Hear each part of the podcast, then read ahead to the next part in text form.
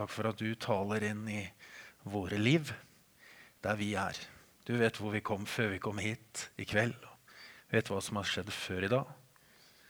Og så vet du uken som ligger foran, og livet vårt med alt det er.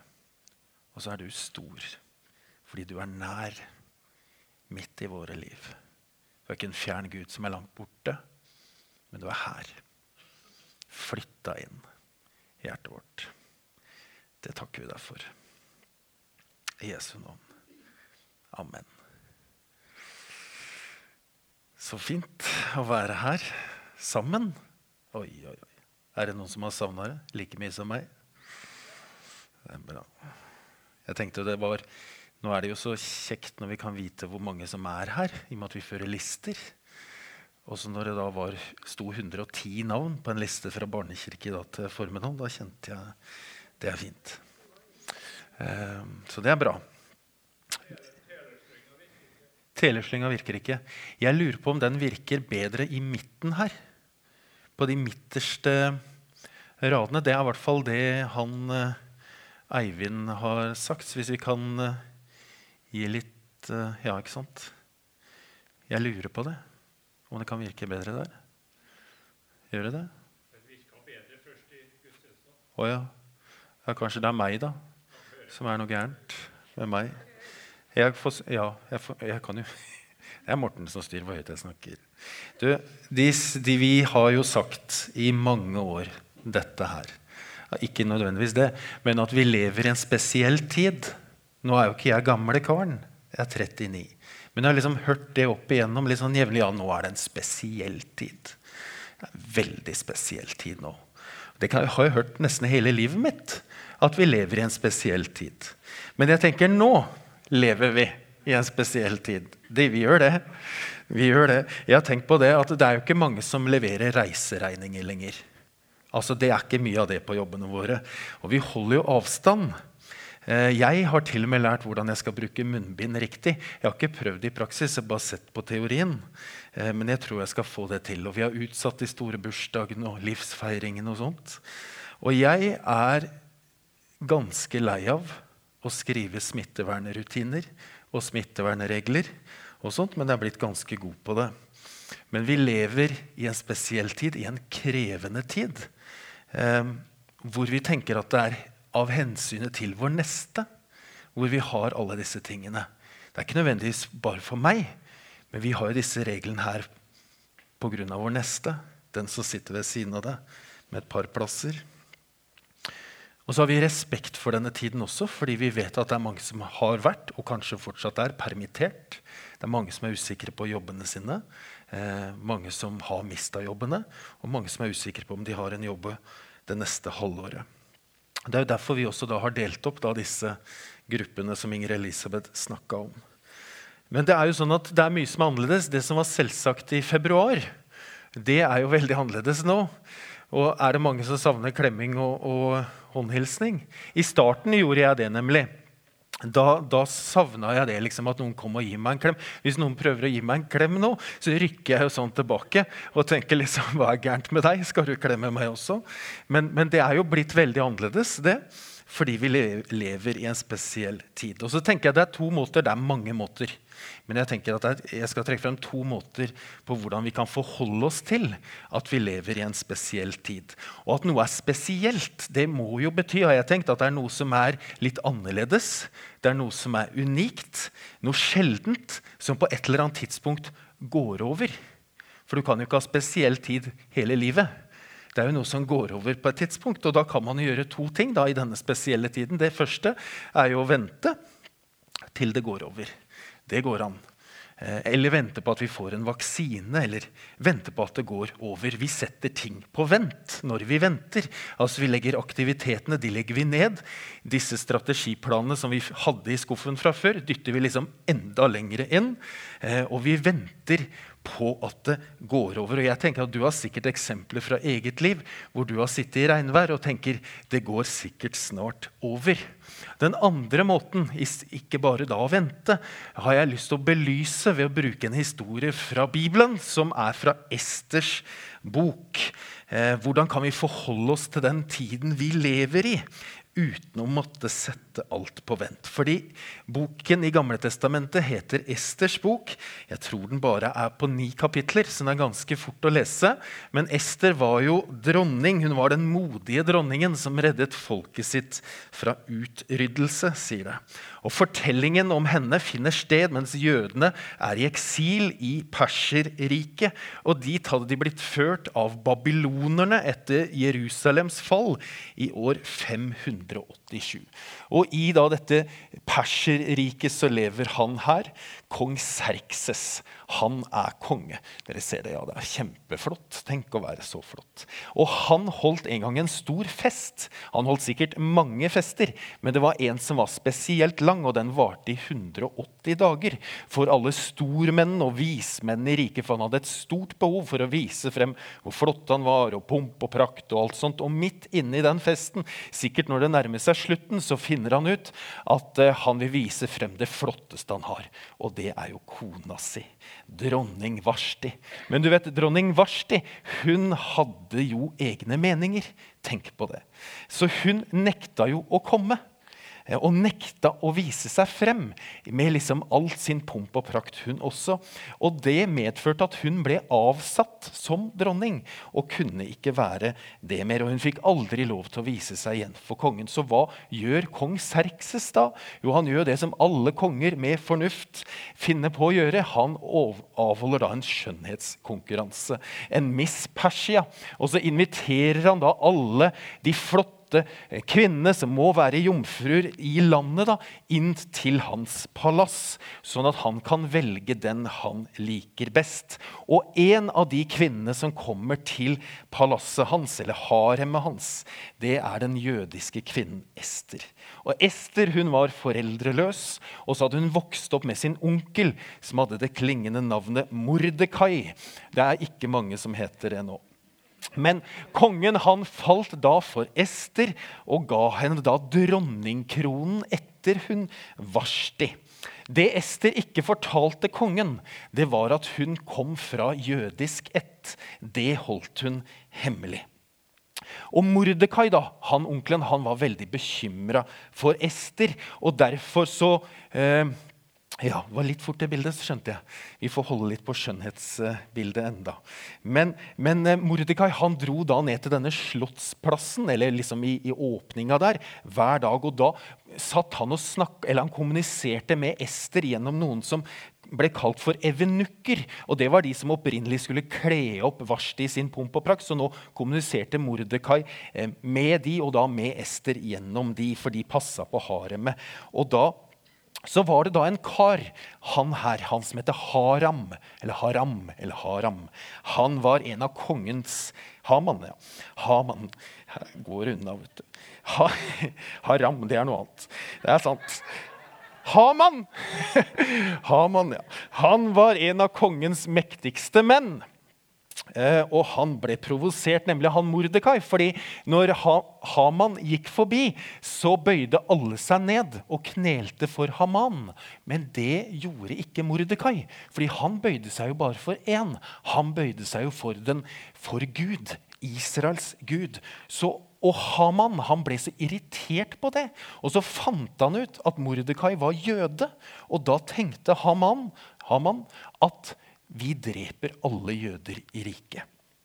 Rett og slett. Og så får han kongen med på det. Eh, av en eller annen mystisk grunn. Og så får da Mordekai høre om disse planene. Og da gjør Mordekai det at han kler seg i noe som heter sekk og aske. Litt usikker på hvordan det ser ut. Men han, han gikk da til slottsporten i det, og så snakket han med eh, disse evenukkene og fikk formidlet til Ester. Eh, om at hun måtte gå inn til kongen og be om nåde for sitt folk. Og da var det jo flere problemer. Det første var at kongen visste ikke at hun var jøde. Eh, og så var det jo det at Hvis Ester gikk inn til kongen, som da var mannen sin, uten at han hadde spurt til henne, så kunne hun bli drept. Jeg håper ikke det er sånn hjemme hos deg. Fordi den som trådte uinnbedt inn til kongen, fikk bare leve dersom kongen rekte fram gullsepteret mot det. Og Derfor var Ester veldig i tvil. Og det, Når man leser denne teksten, så kan det virke som at her er det litt sånn diskusjon fram og tilbake. Fordi Mordekai vil at Ester skal gå inn og be om nåde for sitt folk. Men så er det en naturlig motstand hos Ester, for hun vet at det er livsfarlig. Men til slutt så sier Mordekai, hvem vet om det er for en tid som denne at du har fått dronningrang? Hvem vet, sier Mordekai til Ester, om det ikke er for en tid som denne at du er satt i den posisjonen som du er?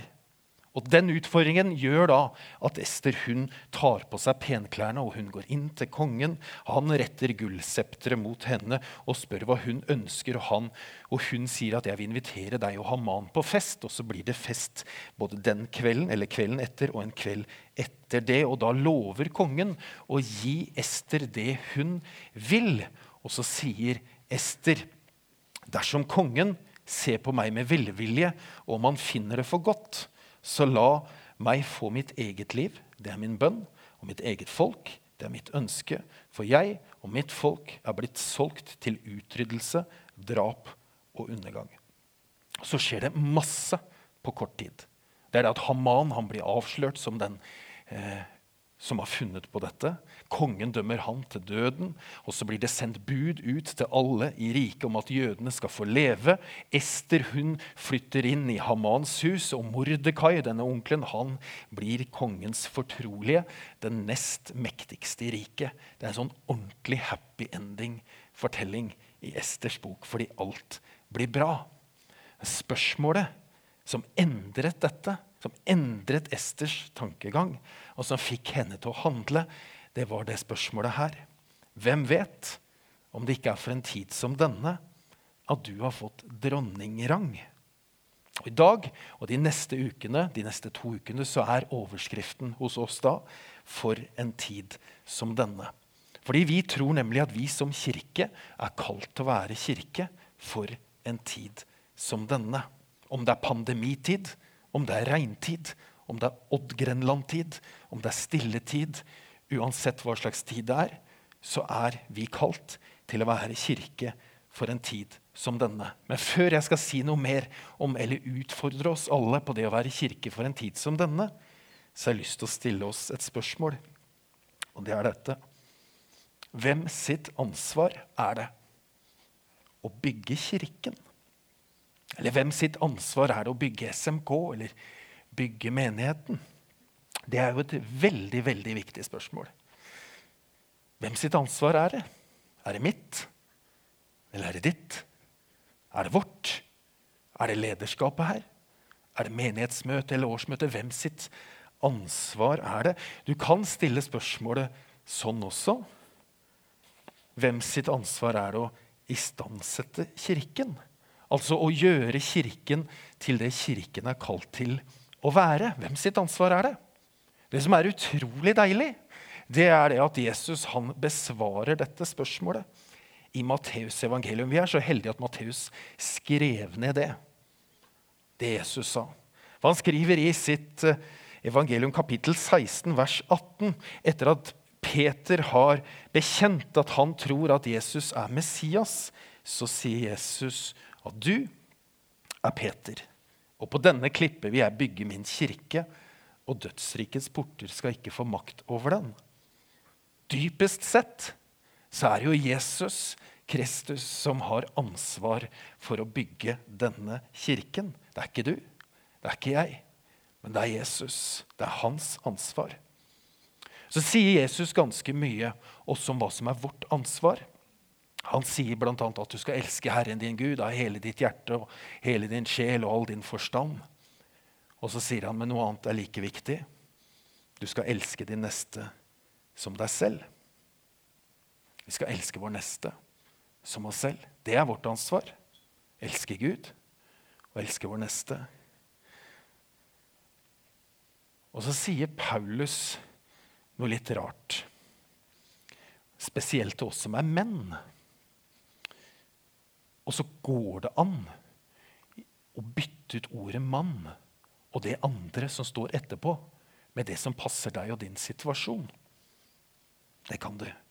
Men Paulus han sier nemlig dere menn, Dere skal elske konene deres slik Kristus elsket kirken og ga sitt liv for den. Du kan bytte ut ordet mann og kone med det som passer deg og din situasjon. Men for meg som er mann, så skal jeg elske kona mi slik Kristus elsket kirken. Og hvor høyt elsker Jesus kirken? Jo, han ga sitt liv for den. Så har jeg tenkt at når du er på jobb og har dårlig samvittighet for at du er på jobb fordi du har vært der altfor mye Du burde egentlig vært hjemme. Altså Kanskje du skal reise hjem. Fordi du er ikke kalt å elske jobben din. Du er kalt til å elske din neste, familien din og kona di. Når man er på i livet, og så er det en ting som er fint. Og det er å vite hvem som har ansvar for hva. Hvis man er i en organisasjon eller man er i en bedrift eller man Det er veldig kjekt å vite hvem som har ansvar for hva. Det er så utrolig viktig. Og veldig viktig for meg. Og Derfor har jeg bestemt for min egen del at jeg fra nå av, egentlig fra august, at jeg skal slutte å jobbe 60 og 70 timers uker. Jeg skal bare jobbe 40 timer i uka. Vanlig arbeidstid. Det er jo helt spinnvilt. Og vil det få konsekvenser? Selvfølgelig vil det det. Vil det få konsekvenser for lederskapets leder Inger Elisabeth Borge? Selvfølgelig vil det det. Men så sier jeg til Gud at du har sagt at du har ansvar for å bygge din kirke. Og mitt ansvar det er å bygge mitt hjem hjemme. Så skal jeg jobbe 40 timer i uka med å være en medbygger av din kirke for en tid som denne. Og de resterende timene skal jeg prioritere hjemme. Elske min neste, elske min kone på samme måte som Gud har elsket kirken. Han ga sitt liv for den. Så jeg har tenkt, hva er det, hva er det vi prioriterer? Eller hvor prioriterer du å bruke mest tid? Er det på jobben din? Eller i kirken, kanskje? Eller på mobilen, har jeg tenkt. Eller sammen med kompiser. Snakke om Odd. Og det er jo ingen Brann-fans, det er jo ingen som kan snakke om Brann her. Men er det det du bruker mest tid på? Eller? Eller er du en av de som lengter etter at barna dine blir så store at de blir selvstendige, så du på en måte, på en måte slipper Vi sier jo ikke det, eh, men vi sier det kanskje litt. Slipper å bruke så mye tid med dem. At du heller nå kan liksom backe litt ut? Eller er du en av de som syns tiden i uka er best når kona jobber overtid? Mm. Ja. Så jeg tenkte, tenkt, hvorfor prioriterer du å bruke mest tid på det du bruker mest tid på? Jeg har tenkt, Kanskje skal noen av oss bruke den neste uka på å få prioriteringene på rett plass. For hvem vet om det er for en tid som denne at du Trygve Skau har skrevet en sang som heter 'Våpendrager'. Jeg syns jeg er veldig fin. Der skriver han i refrenget Men vil du ha en som bærer tunge dager? Går du til krig, så er jeg våpendrager. Vil du ha en som løfter blikket ditt, som tåler at du knekker litt, som aldri ser en annen vei, så skal du holde fast i meg. Hva eller hvem trenger du å holde fast i for en tid som denne? Hvem er det som trenger at du er deres våpendrager? Eller hvem er det som trenger at du aldri ser en annen vei? For hvem vet om det er for en tid som denne at du har fått dronningrang? En tid som du trenger å steppe opp, kanskje? Ta ansvar og prioritere rett? Hvem vet? Og du skal bruke de første ukene av denne høsten til å prioritere tiden din for det som er viktigst, slik at det som er viktigst, får høyest prioritet. Du vet, Esters beslutning når hun gikk inn til kongen, det endret jo hele Perserriket. Endret alt. Det er ikke sikkert at din beslutning endrer hele verden eller hele Norge. Men det jeg tror, det er at hvis du tar en sånn beslutning, så er det en mulighet for at det endrer din egen verden. Og ikke minst at det endrer verdenen til de som er rundt deg. Men vi som kirke, da? Hva skal, hva skal vi gjøre nå? Vet du hva Paulus skriver? Han skriver må vi sammen med alle de hellige bli i stand til å fatte bredden og lengden, høyden og dybden, ja, kjenne Kristi kjærlighet som overgår all kunnskap, Han som virker i oss med sin kraft og kan gjøre uendelig mye mer enn det vi ber om og forstår. Ham være ære i Kirken og Kristus Jesus gjennom alle slekter og evigheter. Amen. Det er derfor vi er kirke.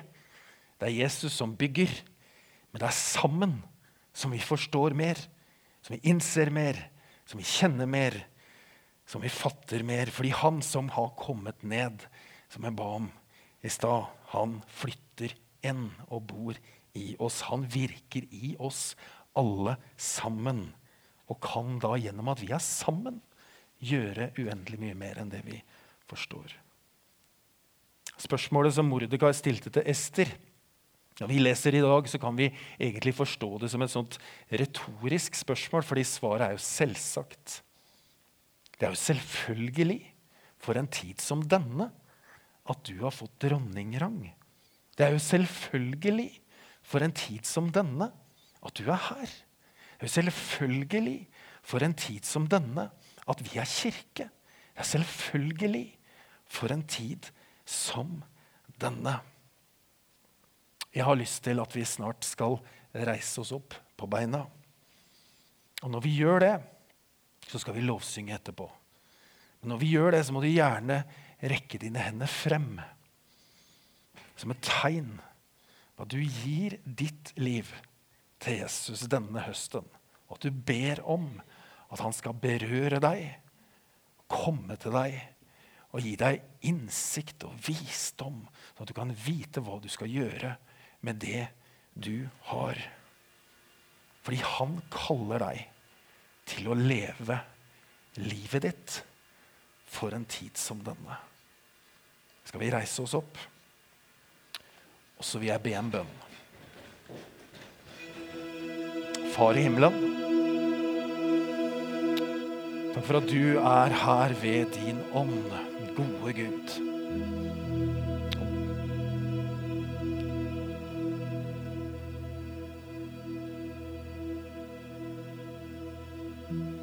Gi oss visdom, Herre, til å vite hva vi skal gjøre med det vi har hørt. Og gi oss mot, Herre, til å gjennomføre det. Takk for at du står her med åpne armer og sier 'kom'. Og så er du ikke redd for korona, men du vil ha oss nær.